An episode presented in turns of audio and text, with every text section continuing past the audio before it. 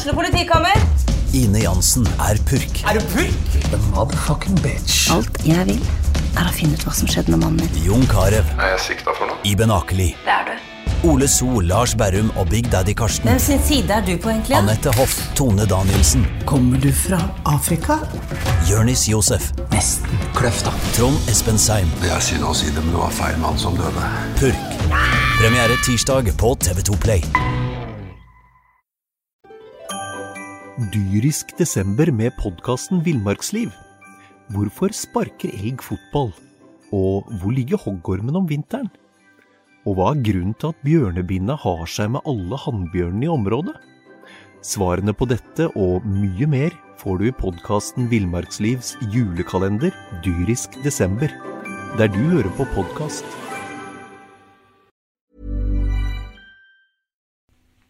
BA har en uh, kulturpodkast der vi eh, intervjuer både artister og forfattere. og Chris Tvedt, velkommen til studio, Chris. Tusen takk. Du en krimforfatter. Advokat og krimforfatter. Men eh, i begynnelsen av neste år så kommer du ut med en bok med en litt annen sjanger enn hva vi er vant med kommer fra deg. Ja, en temmelig annen sjanger. Da er det, da er det barne- og ungdomslitteratur. Eller dette her er vel egentlig en ungdomsbok. Demonenes sang. Ja, sant, det høres skummelt ut. Ja. Hva er det for noe? Det er jo en fantasybok, rett og slett. Eh, og det, det har vært en gammel drøm, det å skrive fantasy. Jeg er egentlig fan. Jeg er en, den type menneske som, eh, som har lest 'Ringenes herre' pinlig mange ganger.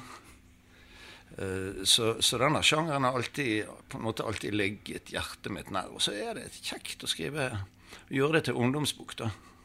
Hva, hva, store, hva har vært den store forskjellen eh, når du skal sette deg ned og skrive for en helt annen aldersgruppe?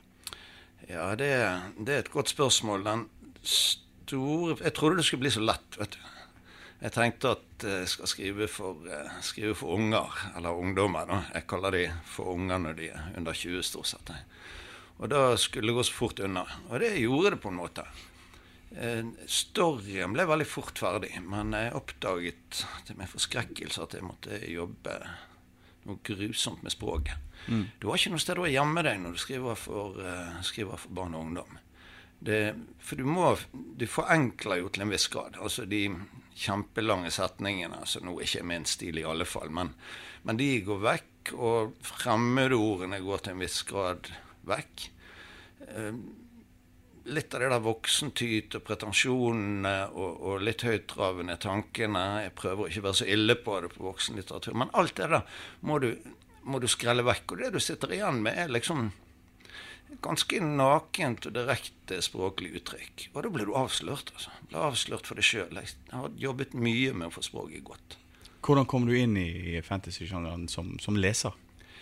Ja, Det er jeg nei, men ikke sikker på om det var Ringenes Nei, jeg tror ikke det var Ringenes herre. Altså, jeg har jo alltid lest Jeg leste science fiction kanskje før jeg leste fantasy. Uh, og det er jo så gammelt at jeg kan ikke huske hvor det oppsto, men kanskje med gamle Lyn Gordon-bøker, så du er sikkert for ung til å huske omtrent. Men Ja. Flash, Flash Gordon heter Ja. det på engelsk. Ja. Uh, og det var liksom opprinnelige Det er litt sånn Star Wars-aktig univers da, med en, uh, med en helt, selvfølgelig. Eh, så har jeg alltid lest eh, science fiction, og så kom jeg skliende over på fantasy. Men jeg kan ikke helt huske når det skjedde. Jeg tror det må ha vært 'Ringenes herre'. Jeg tror det må ha vært Tolkien som eh, som på en måte dro meg inn i dette. For han var jo den som gjorde stuerent også. Hva, hva var det som, som fenger, da? Var det eventyret, gobliner og troll og Ja, alt sammen. Men du vet at altså Fantasy er jo, er jo nøyaktig det man sier at det. Det er jo, det er jo fri og frodig fantasi. Og det målet når du, når du skriver og leser fantasi, og det er jo å få den der litt barnlige leseopplevelsen igjen, som jeg ikke, så ofte får som voksen, men som jeg ofte fikk som barn. Hvor du bare ble liksom sugd rett inn i boken og ble der, gjerne under dynen med lommelykt, helt til boken var ferdig.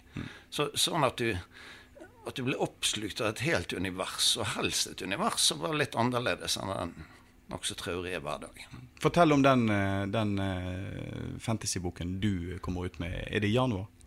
Den kommer i januar, ja. Jeg tror han kommer sånn ja, ganske midt i januar. Skal vi si 15. Jeg vet ikke helt. Gang mellom 10. og 20. Hva handler det om? Ja, jeg syns jo alltid det Jeg hater jo det der å fortelle hva bøker handler om, men, men fordi at jeg jeg prøver å ta med meg noen av triksene fra krimsjangeren. tenker jeg, Og det betyr at, eh, at det er jo litt hemmeligheter, det er jo litt overraskelser i denne boken. Så forteller jeg for mye, så ødelegger jeg. Ja, vi skal ikke gjøre noen spoilere her. Skal ikke gjøre noen spoilere. Men, men litt må vi fortelle, og utgangspunktet er jo rett og slett eh, av alle steder Oslo i 1936.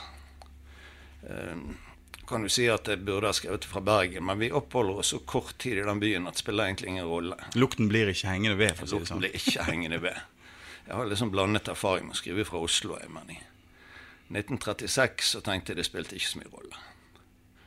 Um, og det handler rett og slett om en 13 år gammel gutt som heter Torgild, som bor i Oslo helt alene med mammaen sin. Og i grunnen har et nokså alminnelig hverdagslig liv. Han, han har sine problemer, han har noen som mobber han litt på skolen, og litt sånne ting som gutter alltid har hatt i den alderen. Men han kjenner ikke faren sin. Aldri truffet faren sin, og han, han eh, tror heller aldri at han kommer til å treffe faren sin. Og en dag så kommer han altså hjem på kjøkkenet, og så venter det to ganske underlige små menn der hjemme som sitter og prater med moren. Og det ender i hvert fall opp med at de tar med Torgild på en reise for å møte faren hans. Veldig eh, spennende, høres det ut som. Ja, jeg håper jo det. Jeg tror jo det også. Um, og dette er jo 1936, og de, og de skal reise langt. De skal reise til midt inne i Asia. Sentral-Asia. En fjellkjede som heter Tien Shan. Som altså betyr 'de himmelske fjell' på kinesisk. Jeg er sikker på at uttalen min ikke er helt på plass, men, men det får nå være. Og, så den fjellkjeden fins eh, langt inne i Sentral-Asia. Men når du, eh, når du eh, skriver en sånn bok, når du skriver krimbøker, så er det en del research. Du har vel brukt researchmetodikken i barnebok òg? Ja, for lite grann eh, blir det. Men jeg har jo alltid vært en dovenslask. Jeg gjør ikke så mye research i krimbøkene mine heller.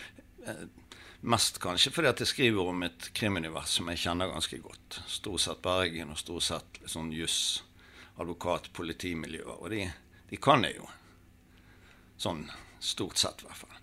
Eh, og ja, det har nok vært litt research, men, men jeg har trukket på litt sånn gamle gamle drømmer og gamle og bøker som jeg har lest, og kunnskap meg som barn. Jeg var, jeg var veldig opptatt av en svensk oppdagelsesreise. Jeg har sett Sven Hedin, blant annet, som, som reiste rundt inn i Sentral-Asia sånn, eh, for 115 år siden eller noe sånt. Prøvde å nå Tibet og krysse Taklamakan-ørkenen og sånne ting. Dette var, dette var guttelitteratur for meg. Så jeg har liksom plassert hele universet mitt steder hvor jeg som jeg kunne litt om. Og i tillegg så er det jo fantasy, så det er jo rikelig rom for Du å kan, dikte. du kan strengt tatt gjøre hva du vil. Jeg kan egentlig gjøre hva jeg vil. Men jeg, jeg gjør én ting, og det er at jeg plasserer dette i et, et realistisk, hadde nær sagt politisk landskap. I 1936 så er Europa et urolig sted, og verden et urolig sted. Hitler har makten i, i Tyskland, olympiaden står for døren der nede, og det eh, det er mange som er redd for mye, og med god grunn. Trusselen om krig henger egentlig over hele verden.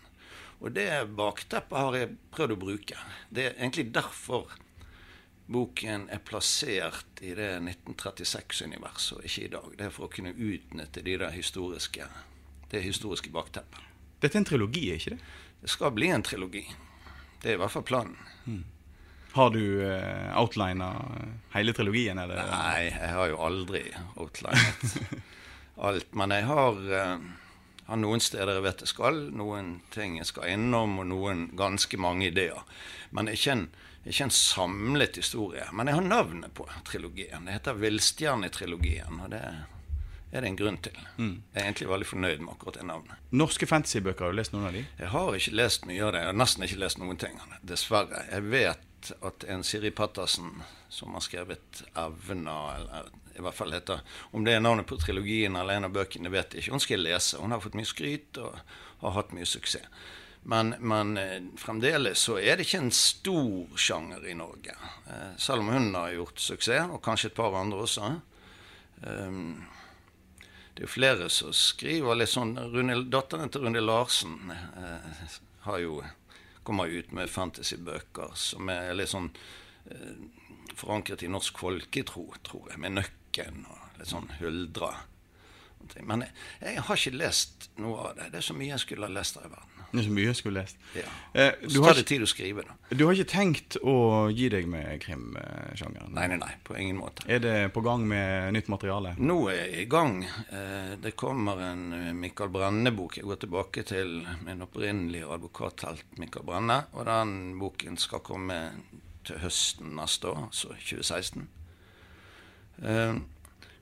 Og det må han egentlig gjøre, for det at noe av trøbbelet med å skrive ungdomsbøker, barnebøker og ungdomsbøker, er at du må fort, og Når du skal skrive en trilogi, så må du forte deg å komme oppfølgeren før de vokser fra bøkene dine. Det har ikke jeg tenkt på før, men forlaget er veldig strengt på denne.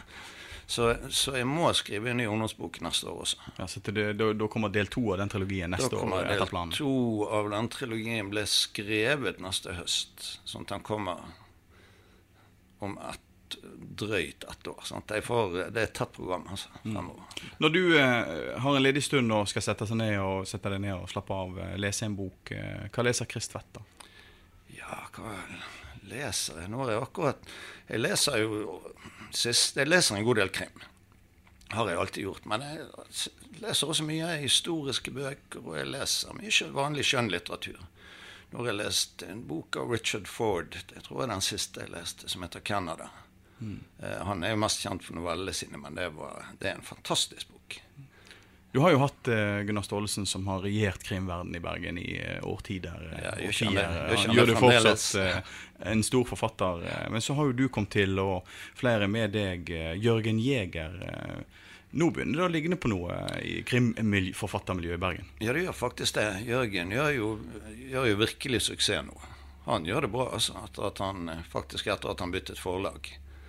Eh, det kan jeg nesten ikke si høyt siden han kom fra mitt forlag, men, men sånn er det. Så han har fått stor, eh, stor suksess. Og Gunnar er jo kjempesvær. Han ble jo Så har vi Monica Yndestad. Så har vi Monica Yndestad.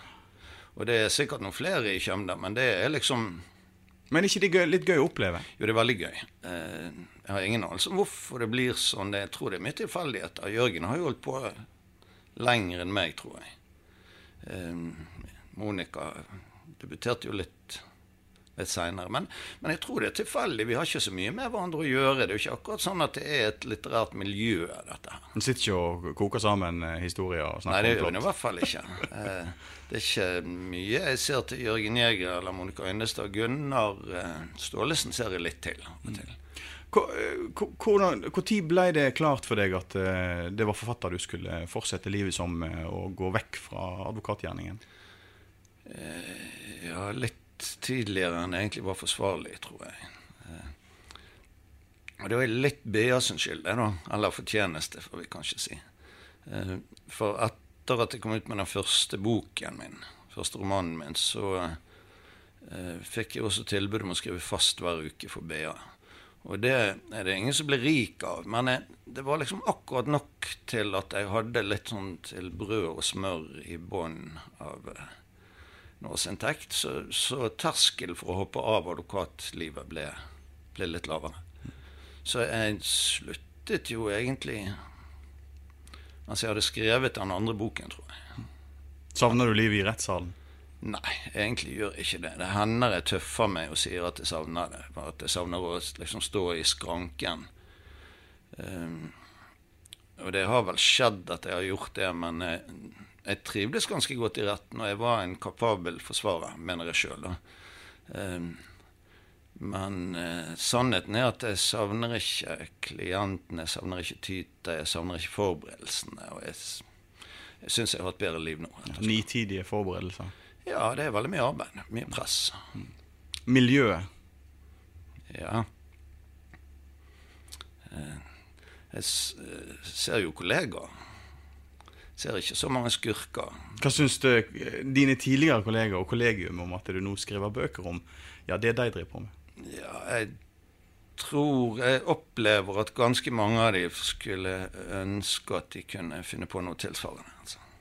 Det er det som er sannheten. Misunnelse, altså. Jeg vet ikke om det er misunnelse, men i hvert fall så er det å være advokat et slitsomt liv. Flatt og greit. Eh, mange advokater tjener godt, så det er ikke synd på dem, sånn, men det er mye press, det er mye kjør, det er mye arbeid, og, og du blir ganske nedkjørt av det. Jeg, jeg er glad for at jeg kom meg ut i tide før jeg Du har jo skrevet en, et, utall av tekster for eh, Bergensavisen òg. Og den, eh, de, noen av tekstene ble samlet i en bok som du ga ut for en måneds tid siden. Ja, det er riktig. Har du fått noen tilbakemeldinger på, på den? Ja, men eh, jeg tror ikke jeg har fått en eneste anmeldelse. BA kan vel ikke gå til anmelderen. Jeg vet ikke om dere Er det anmelder vanskelig å anmelde den? Ja, det er det. Uh, men jeg har fått mye lesertilbakemeldinger på den. Jeg personlig er litt stolt av den boken. Jeg syns, det er en kjekk bok å ha. Jeg hadde aldri noen tanke om at jeg skulle få så veldig mye oppmerksomhet på den. Det har jeg ikke fått heller. Men jeg syns det er en veldig kjekk bok å ha utgitt, og jeg er litt, egentlig litt stolt av den tekstsamlingen. Jeg syns de holder godt mål, de beste av de. Hva var det som fikk deg til å gi ut en samling av eh, tekstene dine fra BA? Nei, det var noe Første så har jeg holdt på i ti år nå i høst. Og det var noe jeg- Milepæl. Syns jeg var en milepæl. Syns egentlig det var litt imponerende også greie å finne på noe å skrive om hver forbanna uke i ti år. Um, og så syns jeg nok at jeg er ganske fornøyd med de beste av de artiklene. Um, og avisartikler eh, har jo et kort liv, da. De eh, brukes til å fyre opp i peisen med, stort sett. Jeg tenkte at det kunne være verdt å ta vare på noen av de. Er det samfunnsrefser har vært et ord? Du har jo vært eh, satiriker eh, i disse tekstene. Hva slags reaksjon er det du har, som har møtt deg gjennom disse ti årene? Egentlig forbløffende få. Eh, er når jeg skriver om brann. Det viser seg at det er vanskelig å fornærme folk, eh, tydeligvis. Men eh, ikke når du skriver om brann. Da ble jeg vekket av det ved vannet en tidlig morgen. Jeg tror han ringte meg søndag morgen før klokken åtte. Eh, Da- fikk jeg kjeft. Jeg hadde, jeg hadde tatt feil i et resultat Brann hadde hatt på, på 70-tallet en gang. Så hadde jeg skrevet skrevet at de tapte 10-1 mot Birmingham. Men det var visstnok Aston Villa. Ja, det- ja, det er kvalifisert til Det skåring eh, kvalifiserte til en tidlig telefon. Eh, Men, men det er jo Brann som engasjerer. Hva er ditt forhold til Brann? Og jeg har et veldig tett forhold til Brann. Og det er jo altså sånn at hvis jeg står helt fast i disse søndagsartiklene, ikke vet hva jeg kan skrive om, da viser det seg at Brann ofte har et årsmøte. Og så er vi i gang igjen. Altså, for det er jo eh, på mange måter en skandaløs klubb. Og har de ikke et årsmøte, så rykker de ned. Og jeg lever med det og er enormt engasjert, enormt ivrig. eh, Nesten helseskadelig ivrig når jeg går på stadion og kjenner hjertet pumpe. Men jeg bryr, meg, jeg bryr meg om den klubben. Jeg har vokst opp i Søndre bydel. Jeg har smet meg på stadion fra jeg var bitte liten. Jeg er så gammel at jeg har sett Kniksen spille der. Jeg har sett de bli seriemestere. Jeg trodde det skulle være sånn. Men det viser seg at det var feil. Det var feil. Ja, De har blitt seriemester to ganger de siste eh, To fem- ganger i mitt liv. Ja, ja i ditt liv. Ja. Um, hva tenker du om uh, returen til Tippeligaen, hvis du skal avslutte med litt fotballpreik? Og vi kan alltid avslutte med litt fotballbrek. Nei, jeg gru, både gruer og gleder meg. De er jo der, Vi er jo tilbake igjen der hvor vi hører hjemme. sant? Men uh, om vi egentlig har en stall som eh,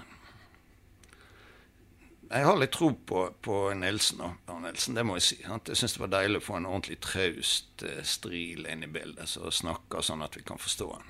Ja, for det var jo sist gang vi hadde en stril inne at det ble gull. Ja, det var faktisk det, altså.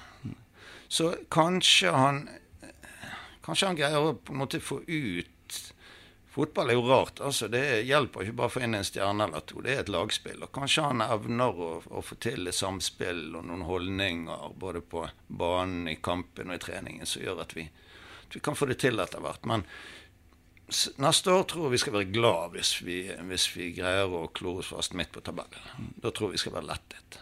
Så har de dårlig råd, da. Ja, de har dårlig råd. Og ja. Det er jo ikke noe nytt. Nei, det er langt fra noe nytt. De har alltid hatt dårlig råd. De har hatt en periode hvor de har latt så de har hatt god råd, men det får de jo De, akkurat som alle oss andre, får vi rett i trynet på andre siden av jul. Men der kan jo den trauste strileholdningen kanskje komme lenger enn eh, med andre trenere. Jeg tror det. Nå virker de jo ganske edruelige, altså. Så får vi håpe at de ikke er altfor edruelige. Chris Tvedt, eh, lykke til med utgivelse av fantasybok i januar. Tusen takk. Så får du ha en god jul. I likeså.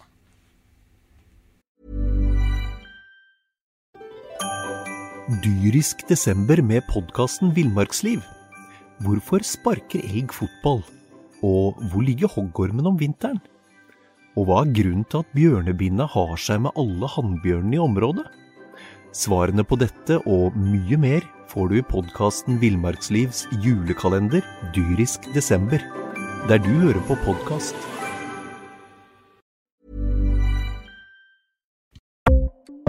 Ukens annonsør er HelloFresh. HelloFresh er verdens ledende matkasseleverandør og kan være redningen i en travel hverdag. Mange av oss har nok vandret i butikken både sultne og uten en plan for middagen, som ender med at vi går for de samme kjedelige rettene gang på gang. Middag burde være dagens høydepunkt. Som HelloFresh kan du nå velge mellom 25 ulike retter hver eneste uke, eller få HelloFresh til å sette sammen menyen for deg. Dette gir deg muligheten til å prøve nye og spennende retter alene eller sammen med familien. Du velger antall porsjoner og får alt levert på døren på et tidspunkt som passer for deg. Oppskriftene er enkle, og maten er lett å lage både for store og for små. Ved å få alt levert hjem får du også mer tid til å dele matgleden med familie og venner. Kanskje det frister med asiatiske tacos eller greskinspirert kylling? Da kan jeg anbefale deg om å gå inn på hellofresh.no. Her kan du bruke koden FOTBALL og få opptil 1779 kroner i rabatt på de første fem matkastene hvis du ikke har prøvd HelloFresh tidligere. Du kan også bruke rabatten hvis du har vært kunde og stoppet abonnementet ditt for tolv måneder siden eller lengre. Gå inn på hellofresh.no og bruk koden FOTBALL. Har du et enkeltpersonforetak eller en liten bedrift? Da er du sikkert lei av å høre meg snakke om hvor enkelt det er med kvitteringer og bilag i fiken, så vi eh, gir oss her, vi. Fordi vi liker enkelt. Fiken superenkelt regnskap.